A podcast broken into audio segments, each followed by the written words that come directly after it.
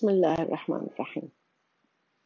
جلس رجل على شاطئ البحر ليلا قبل الفجر فوجد كيسا قد ملئ بالحجارة فمد يده وأخذ حجرا من هذا الكيس وألقاه في البحر فأعجبه صوت الحجارة وهي تقذف في البحر فأعاد الكرة مرة أخرى وظل يقذف في الحجارة في البحر لأن صوت الحجارة عندها يسقط في الماء يسعده.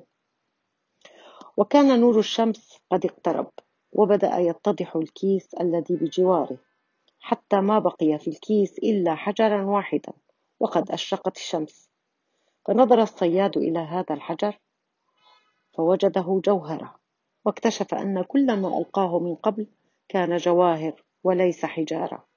وظل يقول بنبرة ندم يا لغبائي كنت أقذف الجواهر على أنها حجارة لأستمتع بصوتها فقط. والله لو كنت أعلم قيمتها ما فرطت فيها هكذا.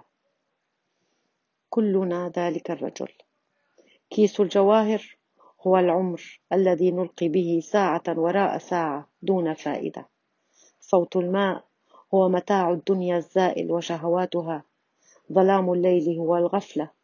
ظهور الفجر ظهور الفجر هو ظهور الحقيقة. وذلك عند الموت حيث لا رجعة إلى لا رجعة إلى الدنيا.